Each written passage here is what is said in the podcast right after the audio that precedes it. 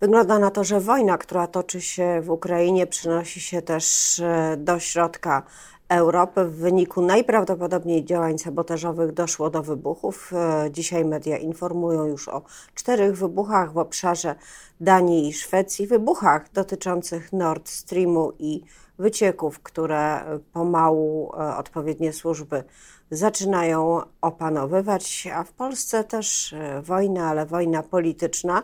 E, związana z tym, co dzieje się e, na morzach i w gazociągach. Oczywiście z energetyką i z perspektywą bardzo surowej zimy. I o tym już za chwilę będę rozmawiała z moim gościem, Suzanna Dąbrowska. Dzień dobry. Moim gościem jest poseł Nowej Lewicy Dariusz Wieczorek. Dzień dobry, panie pośle. Dzień dobry, witam panią redaktor, witam państwa. Czy pan jako y, uczestnik władzy legislacyjnej jest w stanie powiedzieć, wyjaśnić nam, jakie ulgi e, albo też jakie dotacje, czy też transfery otrzymają obywatele w związku z tym, że idzie surowa zima. E, ustawy się mieszają, rozwiązania są różne. Wczoraj Marek Suski powiedział, że jeśli zostanie przyjęte rozwiązanie, które znosi obowiązek e, kupowania na giełdach paliwowych. Wtedy być może nawet nie trzeba będzie tych dotacji, czy obniżek cen, czy gwarantowania ceny prądu wprowadzać, bo będzie tak tanio. Powiem szczerze, zgubiłam się. No i się wcale nie dziwię, że pani redaktor i państwo się też y, mogą w tym wszystkim pogubić, y, bo to najlepiej świadczy o tym, że ten rząd y, po prostu nad tym nie panuje. To jest jeden wielki chaos, to co się w tej chwili dzieje. Do tego, żeby też jasno to powiedzieć, te działania są spóźnione, bo już w marcu tego roku Komisja Europejska y, pozwoliła państwom członkowskim na to, ażeby y, ze względu na rosnące ceny gazu i prądu pomagać przedsiębiorcom, pomagać różnym firmom i w tej sprawie nie zrobiono nic. Dzisiaj jest wrzesień i proszę zauważyć, że te ustawy, które się pojawiają, one się pojawiają z dnia na dzień. Ustawa dotycząca zamrożenia cen prądu tych 2000 kWh pojawiła się przedwczoraj. Wczoraj na komisji pojawia się ustawa dotycząca tego, że znosi się obowiązek handlu energią elektryczną na giełdzie, a więc znosi się transparentność handlu energią i, i do tego jeszcze oszukuje się nas, mówiąc o tym, że to, ten ruch doprowadzi do spadku cen energii o y, dwie trzecie. No kompletna bzdura z tego względu, że y, przecież jest wrzesień, y, koncerny energetyczne, firmy handlujące energią już zakontraktowały tą energię na rok 2023 i po takiej cenie, jak zakontraktowały, będą musiały w 2023 roku sprzedawać, w związku z czym nic tutaj, żadna cena energii nie, nie, nie spadnie. Natomiast no poseł, jest pewne i chcę. Poseł Marek Suski powiedział, tylko że jedną, o dwie trzecie może, może cena się zmniejszyć. Tak, oczywiście. No, no, słyszałem tą wypowiedź, zresztą polemizowałem z posłem Suskim e, wczoraj w nocy w Sejmie w tej sprawie, że to takie bajki z mchu i paproci, e, które są dzisiaj opowiadane. Natomiast jedno jest pewne i chcę, żeby to bardzo mocno wybrzmiało. E, za ceny energii, za tą gigantyczną katastrofę energetyczną w Polsce odpowiada tylko i wyłącznie polski rząd. Y, I działania tego rządu nie Władimir Putin? nie były prowadzone. Panie nie pośle, Władimir... wojna jest za granicą, w Ukrainie. No tak, oczywiście. Ja tylko zwracam uwagę na jedną rzecz. Y, gdyby nie zablokowali w roku 2016 y, budowy elektrowni wiatrowych, to dzisiaj nie mielibyśmy problemu z węglem, nie mielibyśmy problemu z Putinem, bo można różne rzeczy mówić o Putinie, ale raczej mam wrażenie, że nie ma wpływu na to, czy wiatr w Polsce y, wieje, czy nie wieje, czy słońce w Polsce świeci, czy nie świeci. Niestety decyzję podjęto wtedy, że tylko węgiel, tylko węgiel i nic innego, wbrew Unii Europejskiej, wbrew polityce klimatycznej. Przecież ta słynna Ostrołęka, te dwa miliardy złotych w bloki węglowe. E, no, no, to są tego typu decyzje. Gdyby wtedy tej decyzji nie podjęto i gdyby rzeczywiście inwestorzy mogli inwestować w Polsce, to dzisiaj mielibyśmy 30 gigawatów więcej mocy w całym e, systemie, bo tyle odmówiono przyłączeń za rządów Prawa i Sprawiedliwości do sieci prywatnym inwestorom. W związku z czym to najlepiej pokazuje skalę problemu. Do tego dochodzi temat. Ale nie mamy sieci przesyłowych. Sieci energetycznych. No właśnie. No i, i do, mamy nas, no i mamy I następny. dlatego nie bierzemy energii z OZE, nie wykorzystujemy potencjału energii słonecznej, bo nie mamy sieci przesyłowych. A na to z kolei podobno nie mamy Rozumiem, pieniędzy. To jest, no ja, ja rozumiem, że to jest wina Putina, że mm, nie mamy sieci przesyłowych. Oczywiście znowu e, zwykłe kłamstwo. To jest tylko i wyłącznie wina polityki tego mm, rządu i tych, którzy tą energetyką zarządzają. Jeżeli chodzi o pieniądze, to jest naprawdę żaden problem, bo tych e, pieniędzy było w tym czasie mnóstwo. 60 miliardów złotych chociażby wpłynęło do budżetu państwa ze sprzedaży tych słynnych świadectw w ramach systemu ETS i te 60 miliardów powinny być przeznaczone na transformację energetyczną. 60 miliardów złotych zainwestowane w sieci energetyczne, zainwestowane w nowe elektrownie, chociażby te, te słynne elektrownie wiatrowe na morzu, no bo przecież to można było zrobić już 7 lat temu. Proszę zobaczyć, że te decyzje zapadają dopiero teraz, w 2021-2022 roku. Co robili od 2015 roku? No, rodzi się proste pytanie. Y, no niestety ten rząd doprowadził nas na, na skraj wielkiej katastrofy energetycznej i dzisiaj ta niepewność Polaków jest y, słuszna. To, to nie wiemy, co będzie się działo y, zimą, nie wiemy, czy energii nam starczy, nie wiemy, czym będziemy opalać nasze domy, a te wszystkie projekty ustaw to jest taka próba PR-owska ratowania tej, tej całej sytuacji, do której. Y, to wróćmy. Ale stało się. To wróćmy do tej pierwszej próby, o której Pan wspomniał, czyli limit zużycia 2000 y, kW rocznie. To nie jest wysoko zarysowany pułap. Tam dla gospodarstw z osobami niepełnosprawnymi, rodzin wielodzietnych ten limit troszkę się może zwiększyć. Kiedy ta ustawa będzie obowiązywać? E, czy Sejm przyjmie ją w niezmienionej formie w stosunku do tego, co zaproponował rząd? No zobaczymy, bo, bo oczywiście jeszcze dzisiaj są komisje i głosowania. Natomiast ten pułap 2000 jest y, y, w mojej ocenie niewystarczający. My zaproponowaliśmy poprawkę dotyczącą zwiększenia tego pułapu do 3000 kWh. Do tego y, ku naszemu zdziwieniu y, pojawiła się, pojawił się zapis w tej ustawie mówiący o tym, że bo, bo jeszcze oprócz tego pułapu i zamrożenia tych cen na poziomie roku 2022, to ci, którzy ogrzewają swoje domy piecami elektrycznymi, będą mogli wystąpić o dodatek elektryczny. No ale ku naszemu zdziwieniu ten dodatek elektryczny nie będzie przysługiwał tym, którzy zainwestowali swoje pieniądze w instalacje e, fotowoltaiczne. Nie wiem dlaczego pani minister nie była w stanie tego kompletnie wytłumaczyć. E, w związku z czym e, niewątpliwie ten dodatek na poziomie 1000 zł czy 1500 zł też jest niewystarczający, no bo jeżeli cena jednego kilowata w roku 2023 będzie na poziomie 2 zł, złoty 50, złoty 80, no nie wiemy, zobaczymy co zrobi Urząd Regulacji Energetyki, jak te ceny ustali, no to y, raptem ta dopłata 1000 zł starczy nam na 800 czy 700 kWh. I na miesiąc. Y, a, a to, no, czyli na miesiąc, w związku z czym też najwyżej, czyli też proponujemy, żeby znowu nie dzielić Polaków, już wszyscy powinni dostać te 3000, y, które dostają y, chociażby, jeżeli chodzi o dopłaty węglowe. No ale zobaczymy, jak się rządząca do tego. A od kiedy, od kiedy to wszystko mogłoby obowiązywać? Bo od 1 stycznia ceny mogą się zmienić.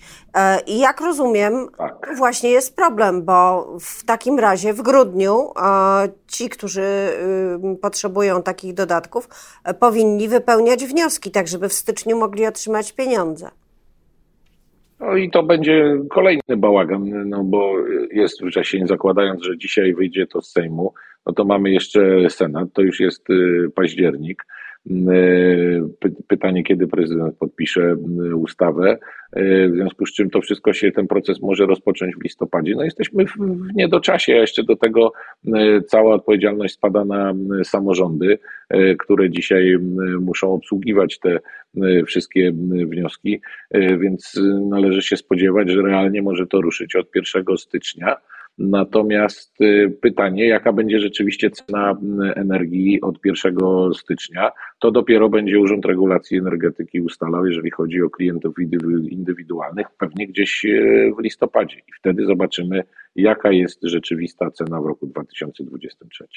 No dobrze, a czy można przyjąć takie założenie, że do tych wszystkich dopłat, które no opozycja oczywiście chce podnosić, a jednocześnie mówi e, tym, tym samym głosem z, tej, z tego samego miejsca, no tak, e, PiS kupuje sobie wyborców, to są, to są transfery znowu, które, które dotyczą wszystkich, nie ma tu żadnego zróżnicowania na biednych i bogatych, ale jak przychodzi co do czego, to właśnie Lewica składa wniosek, żeby wszyscy na przykład dostawali po 3 tysiące.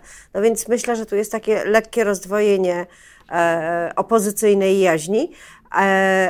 Ale czy można założyć, że propozycje rządu, na przykład dotyczącego podatku od ponadnormatywnych zysków spółek, zasilą budżet, co pozwoli na wypłatę tych dodatków energetycznych? Tak mam to rozumieć?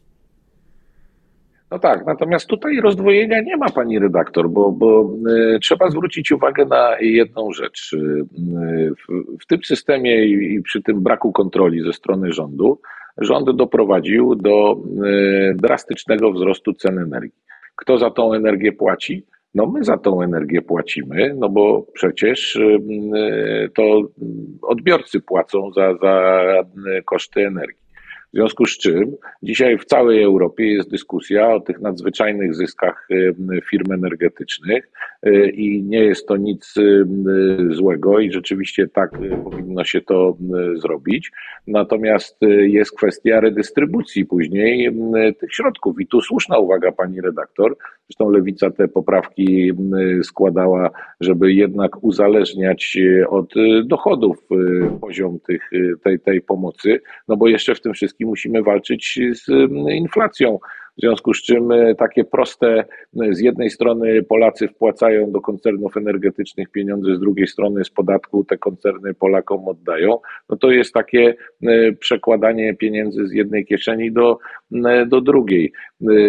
Jest dodatkowo jeszcze przecież kolejna ustawa, tylko to jest taka ustawa ramowa, można powiedzieć, dotycząca pomocy przedsiębiorcom dotycząca pomocy samorządom e, i tam e, też jest e, dyskusja o tym, w jaki sposób to zrobić, bo w przypadku odbiorców indywidualnych mamy te ceny regulowane. Czyli Urząd Regulacji Energetyki mówi, ile ma kosztować prąd, który będzie dostarczany do naszych mieszkań. No ale firmy energetyczne robią to tak skoro nie mogą zarobić na odbiorcy indywidualnym, no to dają bardzo wysokie ceny samorządom, przedsiębiorstwom i tam zarabiają e, krocie.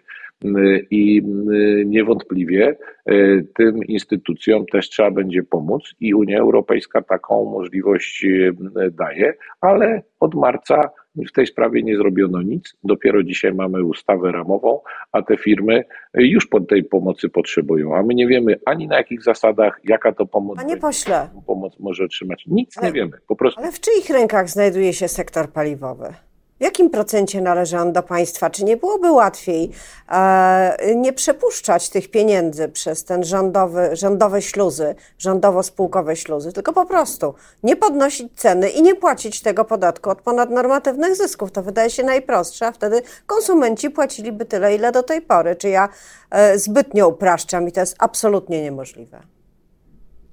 Nie, no wszystko jest oczywiście możliwe i, i, co do tego nie ma wątpliwości. Można było to zrobić dużo e, wcześniej, no ale tego nie zrobiono z jakichś powodów, bo prawda jest taka, że można było na przykład wrócić okresowo na ustalanie cen dla odbiorców nie indywidualnych, tylko dla przemysłu, dla samorządów. Urząd Regulacji Energetyki może przecież taryfować również pozostałe grupy. Tych pomysłów było, można było realizować bardzo, bardzo dużo, natomiast po prostu tego nie zrobiono. Kompletny brak nadzoru i kompletny chaos. I pani redaktor ma rację, że, że można było nad tym zapanować, bo oprócz tego, że oczywiście jest wojna, że jest trudna sytuacja, jest panika na rynku, no to jednak te zarządy nie powinny tego wykorzystywać a po prostu wykorzystały na zasadzie takiej, no jak jest wojna, jest niepewność dostaw, nie ma węgla, no to my się boimy, czy y, nie będziemy musieli tego kupować y, surowca po cenie 3-4-krotnie większej, w związku z czym już dzisiaj y, wzrasta cena energii, podnosimy cenę energii o 300, 400 czy 500%.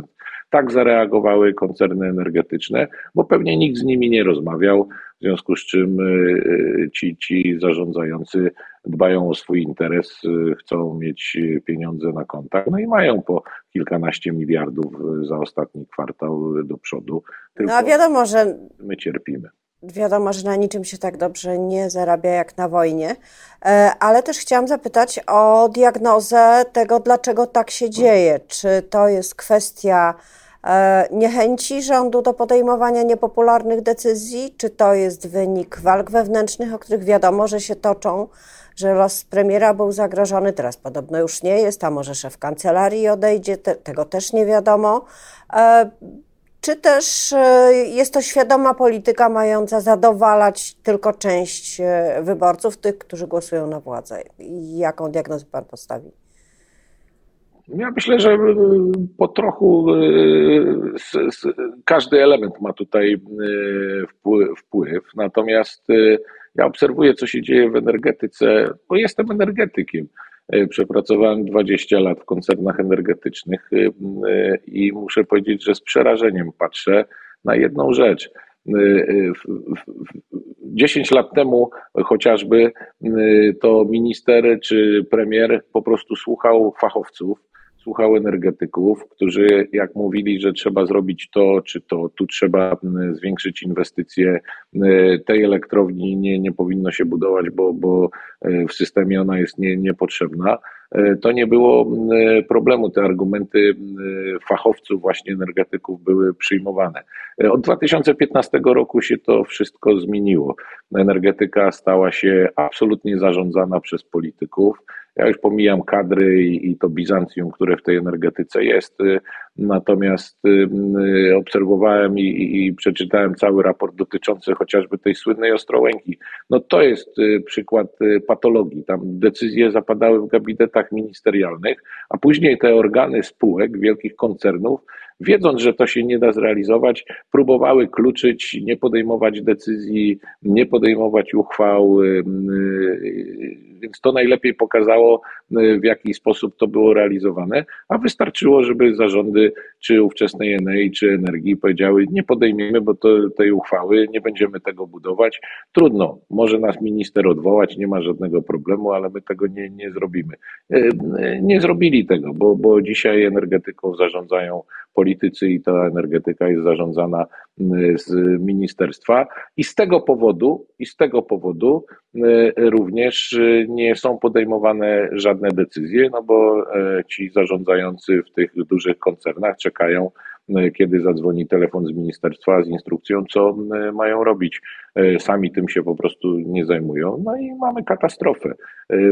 To myślę, że jest główny powód, a te wszystkie wewnętrzne konflikty, one powodują to, że nikt się rzeczywiście tymi problemami nie zajmuje, bo wojna wybuchła w lutym. E, o wojnie rząd wiedział, że potencjalnie e, może e, wybuchnąć już w grudniu ubiegłego roku czy w listopadzie ubiegłego roku. W związku z czym można było do tych wszystkich spraw się przygotować, można było zabezpieczyć węgiel, można było już przygotowywać ustawy dotyczące pomocy i regulacji, jeżeli chodzi o ceny energii, no bo wszyscy wiedzieli, że po prostu na rynku będzie panika. Można to było zrobić, tylko nikt tego po prostu nie robił. Panie pośle, ostatnie pytanie, bo wczoraj też bardzo gorąca dyskusja dotyczyła wyborów samorządowych, było odbieranie głosu, były z mównicy e, padały różne ostre słowa, ale wydaje się, że kwestia przesunięcia wyborów samorządowych jest przesądzona, nie będą się odbywały w tym samym kwartale, w tym samym miesiącu ani tygodniu co wybory parlamentarne. E, Czyli można już w zasadzie postawić krzyżyk na tym temacie. Pogodzi, pogodziła się opozycja z tym faktem? No, myślę, że tak, no, żeby była jasność, to kolejny element tego wielkiego bałaganu. No przecież jak y, PiS y, przesuwał czy, czy wydłużał kadencję samorządu i wprowadzał dwukadencyjność, no to już wtedy było wiadome, że wybory samorządowe i wybory parlamentarne w roku 2023 będą się odbywały w takich terminach. Sami do tego doprowadzili, więc muszą w tej chwili sami to naprawiać.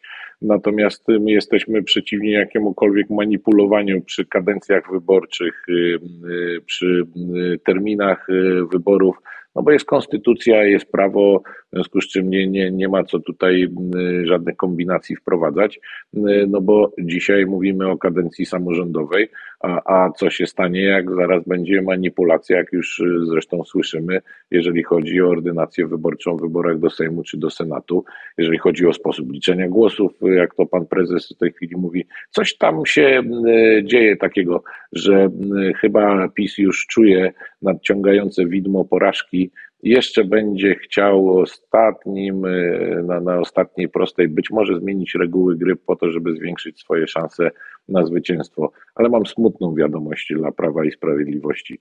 To się nie uda, bez względu na to, co, co będą robić Polacy, już widzą, że y, trzeba niestety pokazać czerwoną kartkę Zjednoczonej Prawicy. I na tej wiadomości dla Zjednoczonej Prawicy od posła Nowej Lewicy Dariusza Wieczorka zakończymy naszą rozmowę, za którą bardzo dziękuję i życzę miłego dnia. Dziękuję, miłego dnia.